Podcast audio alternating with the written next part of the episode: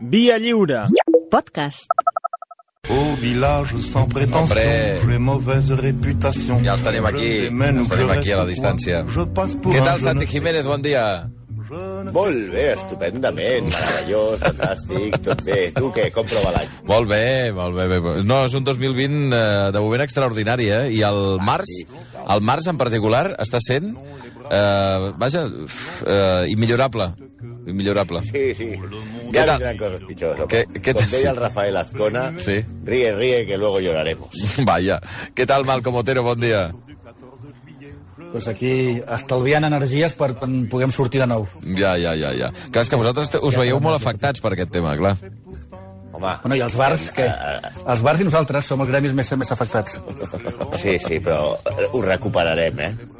I tant. I, si, si, no, si, no, si no patem, si no patem d'això, patarem de cirrosi. Ara, molt bé. Tot, tot sempre en positiu. L'únic que... Eh, la, hi han dues coses bones d'aquest cap de setmana. El primer, que hi ha canvi d'hora i el temps passarà ràpid per una vegada. O sigui, de les dues seran les tres, una hora menys per sortir d'aquesta piltrafa. I, I la segona cosa és que s'acaba el mes de març aquest eh, infecte eh, que ens hem ficat. O sigui que el cap de setmana que ve, encara que sigui mentalment, sortirem del març i estarem ja a l'abril. No sé si es I, solucionarà I res. cosa bona és que per fi eh, els rellotges que tinc a casa tornaran a donar l'hora. És l'hora bona ara, no? O sigui, ara serà l'hora eh, eh, bona. Sí, sí, no, no, perquè jo he passat de... Ja passo de canviar rellotges. Aguanto sis mesos i ja tornen a estar. O sigui, ja no... Ja deixo de fer... Sí, o es canvien... O són els catxivatxes aquests que es canvien sols o ja passo. Va, eh, Santi, qui és el- qui és l'execrable d'avui? Mira, a veure, venen temps durs, estem vivint temps durs, i pels execrables més, pel que, tema de, pel, pel que dèiem ara, no? Pel tema dels bars i aquestes coses. Així que ens guiarem pel nostre lema futbolístic i vital, que és patador i palante, tu. Així, eh, com que el coronavirus, eh, aquest maleït, s'estan duent tanta gent honesta per davant i, com diuen a, a, a rodes de premsa aquesta que ens fa cada dia, no entén de fronteres ni de classe social, Resulta que ara ens trobem amb més gent escalfant a la banda que Bobby Robson a la segona part del Barça Atlético de Madrid No, home, no. el dia aquell que es va remuntar el partit de Copa amb el gol del Pizzi. No, home, no. Així, però nosaltres eh, volem fer un parèntesis i un oasis dintre de la merda aquesta, el coronavirus, i parlarem de gent que no té res a veure amb el coronavirus. Bé. O sigui, per tant, això és, oblideu-vos d'aquest d'aquest tema ni que sigui durant aquests 20 minuts, no? Així que entre avui, entre tots els express que teníem per triar i que tindrem, hem decidit que un que té, no té res a veure amb el puto bitxo. Desmuntarem la història d'un personatge desopilant, complexa, i que explica bastant bé a la seva biografia en quin món de mones hem anat a parar. Es tracta d'un escriptor, polític, guerriller, majordom, xulo, prepotent, mentider, supremacista, violent, amic de genocides com Arkan, admirador de Stalin, comunista, nazi, Les dues coses, eh? incongruent, Comunista cregut, conservador, sí, sí, revolucionari, delinqüent juvenil, sastre hortera i punky. Fins i tot que algú el va definir, molt encertadament al meu parer, com la barreja perfecta entre Stalin i Johnny Rotten, que pels de l'ESO els explicarem que era el cantant dels Sex Pistols, un tipus que amb una escopinada faria fugir a tots els cantants de reggaeton de Puerto Rico. Parlem del recentment traspassat Edward Veniamovich Savenka, conegut a casa com Edishka, i a tot el món com Limonov. Ja hi som. Mira que m'ho van dir ahir, que faríem Limonov, i vaig pensar, mm, caurà el del limón, o, o, o vaya, o un limón i medio limón, o... Bueno, Ja, aquestes coses. prepara't, prepara't, perquè la playlist d'avui és de luxe, perquè la discografia dedicada a la llimona Oh. és abundant i, si més no, curiosa. Bueno, d'acord. Per cert, volia puntualitzar que el Santi ha dit desopilant, pels de l'ESO vol dir que fa riure. Ja. Òbviament. Una oportunitat aquesta, quan posar aquestes cançons tan maques, no la podíem deixar en pas. Sí, sí, sí, Però, sí. Però anem al- nostre personatge, que és d'agafar crispetes, eh? Estem parlant d'un tipus que té més ego que Cristiano Ronaldo, Kanye West, Rafa Mora junts. Va néixer a una ciutat, que no ens interessa gaire, que es deia Zernitskis, excepte pel fet que té 10 lletres i només dues vocals. El seu pare era agent de la NKVD, que era com la KGB interna, és com una, no és una companyia d'assegurances, és com la CIA, diguem-ne, del, dels russos. I es va traslladar de petit a Jarkov, Ucraïna, on va intimar amb qui? El Torete, el Lute, el Vaquilla d'allà, que el Ah, partit d'allà. eren els delinqüents de, aquests eren els delinqüents de la nostra època, allà es va, es va juntar amb els delinqüents d'allà i pels de l'ESO d'avui serien com aquests senyors en corbata que ens roben. Ja. Sí, i ja se sap que l'adolescència és, una, és una època fonamental en el creixement de les persones i marca el caràcter. I si tu et fas amb els malotes dels suburbis d'una ciutat que havia ser les 3.000 viviendes d'Ucraïna, després surts d'un xuleta insuportable. Fins i tot per l'ego que gasten els escriptors. Sí, era- tenia més ego que el normal dels escriptors, que ja és un ego descomunal. Escolteu com es definia a si mateix el propi eh, Limonov. Obro cometes. Si et sembla que ets el més intel·ligent de tots, és molt probable que així sigui. O també deia, obro cometes, molta gent creu que com a literat jo sóc molt bo. Jo també ho penso. Molt bé. I per no allargar-nos, acabo dient eh, una altra frase seva que és si em conviden a formar part d'una associació d'escriptors i em diuen vine, que ja som 40, jo dic que no, perquè jo mai vull ser el 41.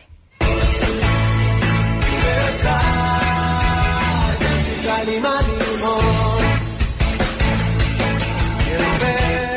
aquesta no està malament del tot, eh? Bueno, mira. Bueno, Passable. El nostre, el nostre, el passable, sí, passable, sí, no.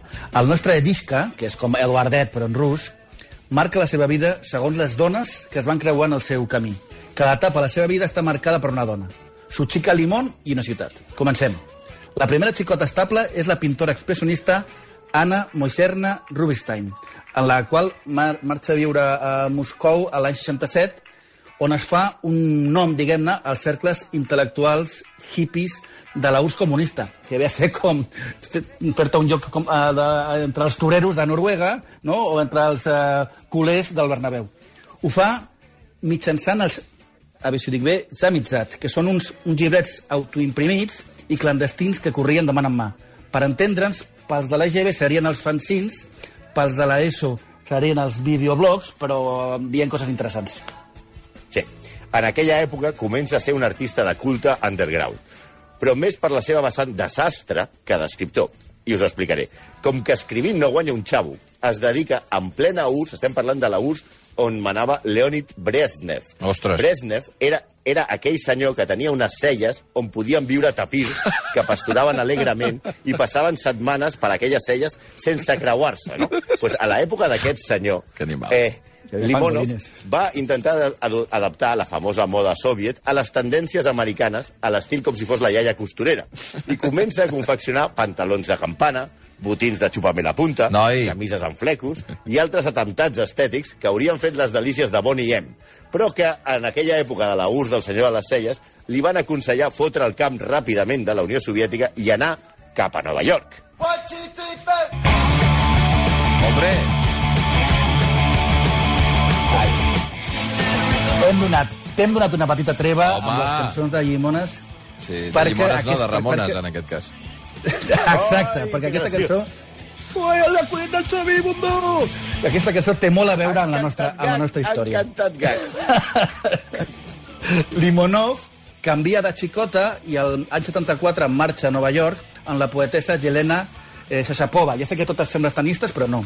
I és allà on comença, on comença a fomentar la seva legendària biografia. D'entrada es fa punky i sempre que pot va a veure a The Ramones el temps que fa les feines més diverses. Començat per ser majordom del milionari Peter Sprague, no confondre amb el guitarrista de jazz. A més de col·laborar en revistes russes que s'editaven a Nova York i escriure el seu primer llibre. El seu primer llibre famós, explicant les seves eh, aventures als Estats Units i que ell va titular, en rus, òbviament, Soc jo, Però és, Edisca. eh, perdona, és interessant que el fan fora de, o de la Unió Soviètica, més que fer-lo fora, el convidre a marxar, perquè està sent un dissenyador de roba atrevit, eh? Sí, sí, bueno, atrevit Hortera. Hortera Bueno, sí, no, no. d'acord. Digue-li Sí, en això. doncs. I, I ella arriba ja a Nova York, i comencen al, al club aquest on tocaven de Ramones, es fa molt amic del Marc i Ramone, i, eh, eh, i es, fa, es fa, com ha dit el Malcolm, majordom d'un, d'un, d'un, una CSD, ser majordom d'un milionari. I aleshores ell, ell ha dit aquest llibre que es titulava Soc jo, Editxka. Però els editors, ai, els editors, Hombre. sempre Ai, els la editors. als escriptors, i buscant el títol del clickbait abans de que s'inventés el clickbait, van eh, comprar els drets del llibre a França i el van retitular, perquè els editors sempre han de fotre mà per dir que aquí ha estat, i li van posar aquest títol. Le poète, le poète russe préfère les grands negres. Què vol dir al poeta rus li van els negres grossos. I quan parlem de negres grossos no estem parlant de Brandon Davis o d'un pivot de bàsquet. No, estem parlant d'altres coses grosses que tenen negres. Ai. Tot venia a compte que amb un passatge del llibre, Limonov, que anava més sortit que una cabra i a la que veia un pàrquing es fotia dintre de donar-se el lote ni que fos amb el vigilant, un dia, passant per un parc de nit, va liar-se amb un homeless negre, que es veu que era, diguem-ne, el pare del negre del WhatsApp actualment. Ala. I va ser, i va ser ensatrillat. I tot Va. això ho va explicar mentre a la URSS, el seu país d'origen, l'homosexualitat estava prohibida per senyor aquell de les celles aquelles tan poblades. Sí, Eriska no era, de fet, no era homosexual, però defensava que, obro cita, que matar un home, cos a cos, és com, a, com que et sodomitzin. S'ha de provar un cop a la vida. Vaja. I Xavi, hem rebaixat el que de veritat va dir. Eh? Aquesta cita no és exacta perquè entenem que hi ha nens No, va tancats a la, amb la família a casa. Va. Us agraeixo que us hagueu, eh, en fi, eh, rebaixat una miqueta, tenint en compte que hi ha Moderat, sí. criatures. Sí, sí. La publicació d'aquest llibre a França, amb el gran títol que li va posar l'editor, va suposar que se'l conegués com el, el més escandalós dels escriptors russos vius, que de fet volia dir vius o que no fossin al gulag. Jaune comme le citron, le soleil se couche à l'horizon. Haurem d'aguantar gaire les cançons aquestes de llimones, o què? Ara el citron, amunt i Aquesta avall. és una adorable... El cimtron. Aquesta és... El No és el cintrón, és el citrón. Sí, el citrón és el que es fot la meva sogra. Amb aquesta ad- adorable cançó infantil, que és per tallar-se les venes, Oh. així, però al tic-tac, passem a la seva etapa francesa, on arriba com una estrella del rock entre els cercles literaris escarrenosos. Òbviament, al canvi de país, com explicàvem abans, li correspon canvi de senyora. Ara. A París marxa amb, amb la cantant, model i escriptora Natalia Medvedeva i es converteix en l'enfant terrible de l'esquerra francesa, que l'adopta perquè els revolucionaris francesos aquests del maig de 68 ja s'han fet milionaris, viuen molt bé i ara els hi falta algú que els entretingui i faci el brètol per ell. I Limonov mai de ser. Sí, comença a publicar els diaris d'Esquerra a França, l'Humanité, Le Choc du Mois, l'Idiot Internacional, aquesta l'havíem de tornar i escriure nosaltres, i fa com si fos Beata Legón o Ernesto Kaiser. És un tipus d'esquerra que provoca l'esquerra. Escriu que Rússia només tindrà poder mentre sigui capaç de fer por als collons tous d'Occident, es passa pel forro els drets humans i la gent assegurant que mentre siguis dolent no seràs un animal domèstic. I carrega contra Gorbachev, ja que el cap de la URSS no ha d'existir per agradar als periodistes occidentals gilipolles, ha d'estar per fer por. Carai.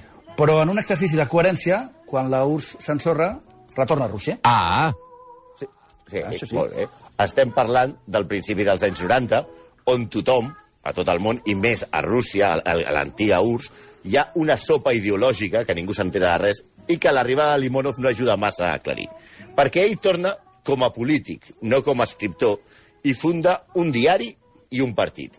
El diari es diu Limonka, que encara que sembli un postre de cafè i llimona, és un joc de paraules entre el seu sobrenom literari, perquè ell ja hem dit que es deia Edward, i, es, i firmava llibres com Limonov, també per l'acidesa de, la, de les notícies que publicaven, de l'estil, l'acidesa de les llimones, i sobretot, i, i, i aquí és molt important, perquè limonca és la paraula, com vulgarment en rus es diuen les granades de mà aquestes que tenen forma de llimona, realment. Sí, sí, sí. Però si això és el, si això és el partit, ai, si això és el diari, el tema del partit encara és molt millor, no us el perdeu.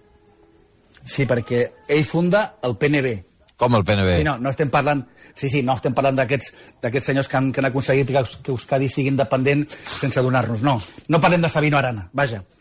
Aqu les segles poden dir Partit Nacional Bolxevic. Un partit d'una ideologia tan complexa com la seva simbologia. És un partit definit pels politòlegs com Roig Part, que no és un ocell, és, com a dir, comunista nazi.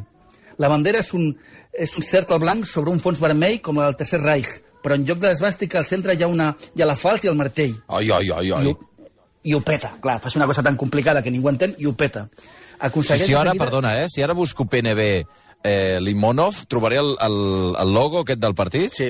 A veure, El ara el busco, eh? Perdó, eh? Eh, és com la bandera nazi, però en lloc de l'esbàstica, la falç i el martell al mig. Increïble.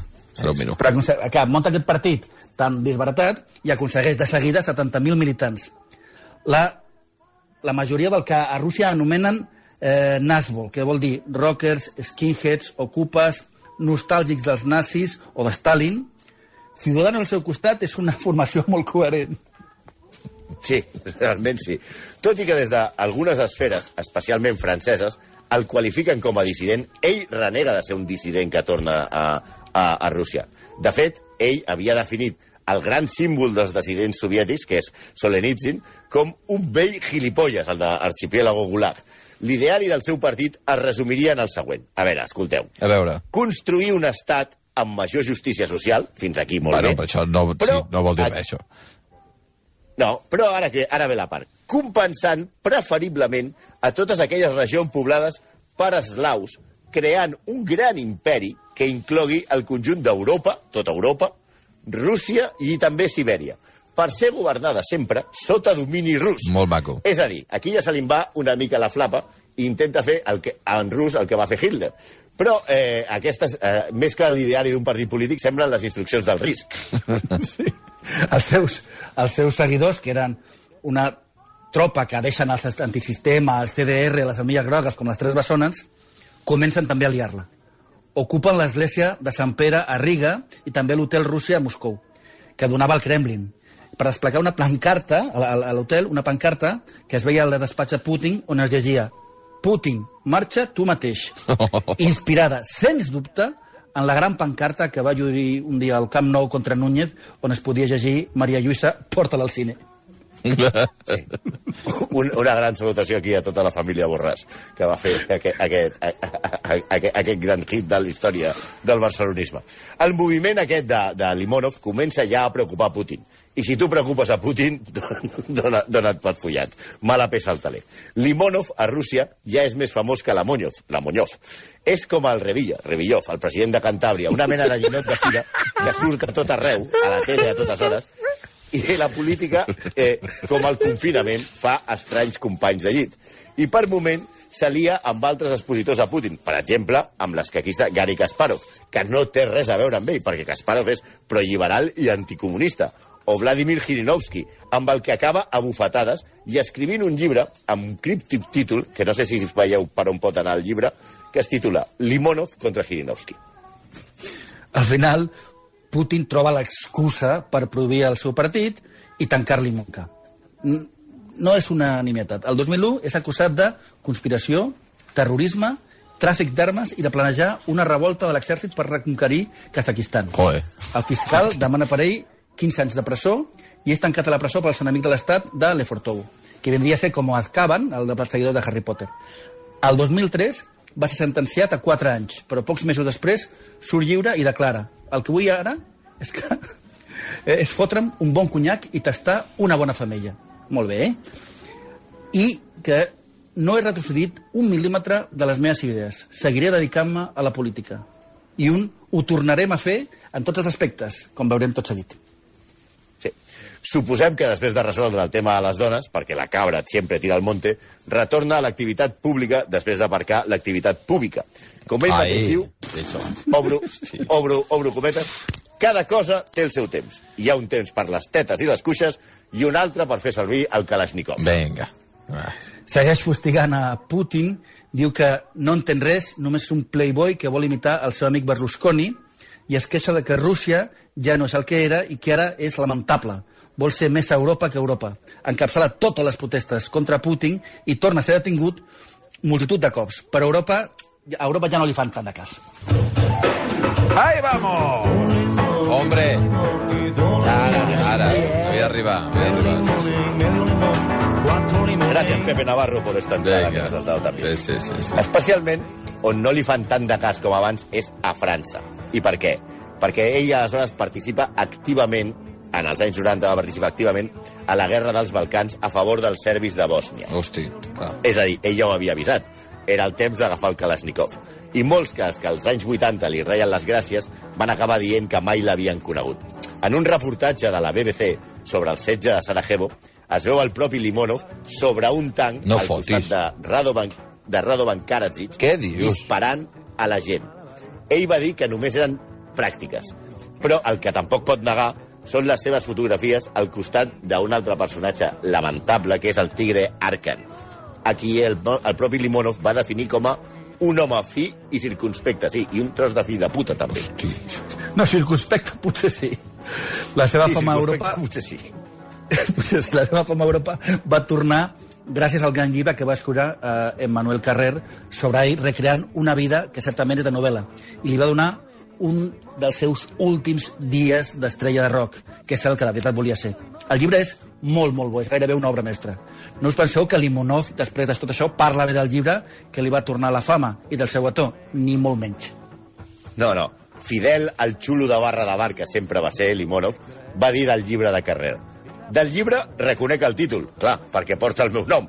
Però ell, va, però per ell, per, per, per Carrer, vaig ser únicament un personatge. Però jo també sóc escriptor. I, per cert, bastant millor que ell. I una altra cosa, us heu fixat que des de que no escriu sobre mi ja no aixeca cap ni té cap èxit editorial? Sí. Eh, Jenny figura aquest tipus fins al final, fins al final dels seus dies. Quan ja quedava enrere per les malalties i el seu look de vell tatuat i catxes rodejat sempre de guatespatlles, va dedicar-se, com no, com no podia ser d'una altra manera, a rajar de les feministes i les dones. En general i en particular.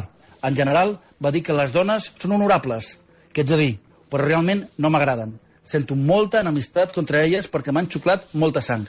Ara tinc una amiga de 35 anys, més jove que jo, Hombre. i tenim moltes, moltes bronques. Molt bé. Però aguanto molt millor que abans. M'han xuclat molt la sang, però tinc una Bueno, nòvia no, de no, 35 no, no. anys més petita. Sí, sí. No, no, Tu ja estàs pensant en altra centris cosa, ni xuclant, xuclant. català, No, perquè aquí podríem començar a fer aquelles bromes que no t'agraden i després... No, no, no, Sí, és que no sí, cal res. xuclar i xuclar, No cal res, sí, no cal res, no cal res, no cal Sí. res. Bueno, home, sí. acaba, acaba dient, és d'aquestes feministes, un moviment de dones que no volen deixar de ser dones, que volen deixar, perdó, un moviment de dones que volen deixar de ser dones i que fan que el sexe vagi a la baixa. Però això no ho fa ni, com es diu, Juan Manuel Soto, ni aquest diu aquestes coses, besties. Sí, això. Sí, és que jo no jo havia posat José Manuel, però no és un altre. Però també hi ha un José Manuel que deu ser això. En particular, per posar un exemple contra, eh, per posar un exemple de, de contra les dones en particular. Tots vosaltres, tota la nostra audiència, eh, ha llegit i coneixeu àmpliament l'obra de Svetlana Alexievich, Premi Nobel de Literatura del 2015. Tothom pot... tot tu, Xavi, sí, tothom podria fer-ne... Un parell de llibres. Sí, sí, sí, jo crec que tothom podria fer-ne aquí haurà una, vaja, una teorització sobre la Hauríeu, seva literatura. cabrons. Raig verd en català, debat en castellà, se diu. Eh, clar, s'ha de Mira, comprar. de Svetlana Alexievich a casa. Bé, eh, no, realment és una, és una, una, una gran escriptora, eh? Però de la que va dir ell que és una mestressa de casa inofensiva, Vinga. premiada per una ordre en decadència que cada cop ens recorda més el concurs de Miss Univers amb la diferència que a Suècia surten a primer pla els reis en estúpids fracs i els mamadors del jurat. I aquest és el nostre home d'avui, el senyor Limonov. Mare de Déu, senyor. Mare de Déu, senyor. Eh, va morir aquesta setmana, no? Era? O... Fa, fa, fa 10 dies. o sigui. 10 Deu dies, va ser. Està, encara està calentet, eh? Però, perdona. Gairebé una, un express. Eh, tinc la sensa- l'estranya sensació que en el fons us sap greu. Home, a mi, a mi, jo, a, a mi realment em sembla un magnífic escriptor i un tio bastant divertit. No, Ja. I sortir Ara, a la seva bona ara, època, un dia de una amb ell, una, unes birres amb ell jo s'hi fotaria. Bueno, molt bé. Uh, doncs au, execrables per, al quadrat. Uh, 11 i 34 minuts, Santi Jiménez, Malcom Otero, que vagi molt bé. Una abraçada a distància. Adéu, guapos. Ala, cuideu-vos. Adéu. Adéu. viendra me voir pendu, sauf les aveugles, bien entendu.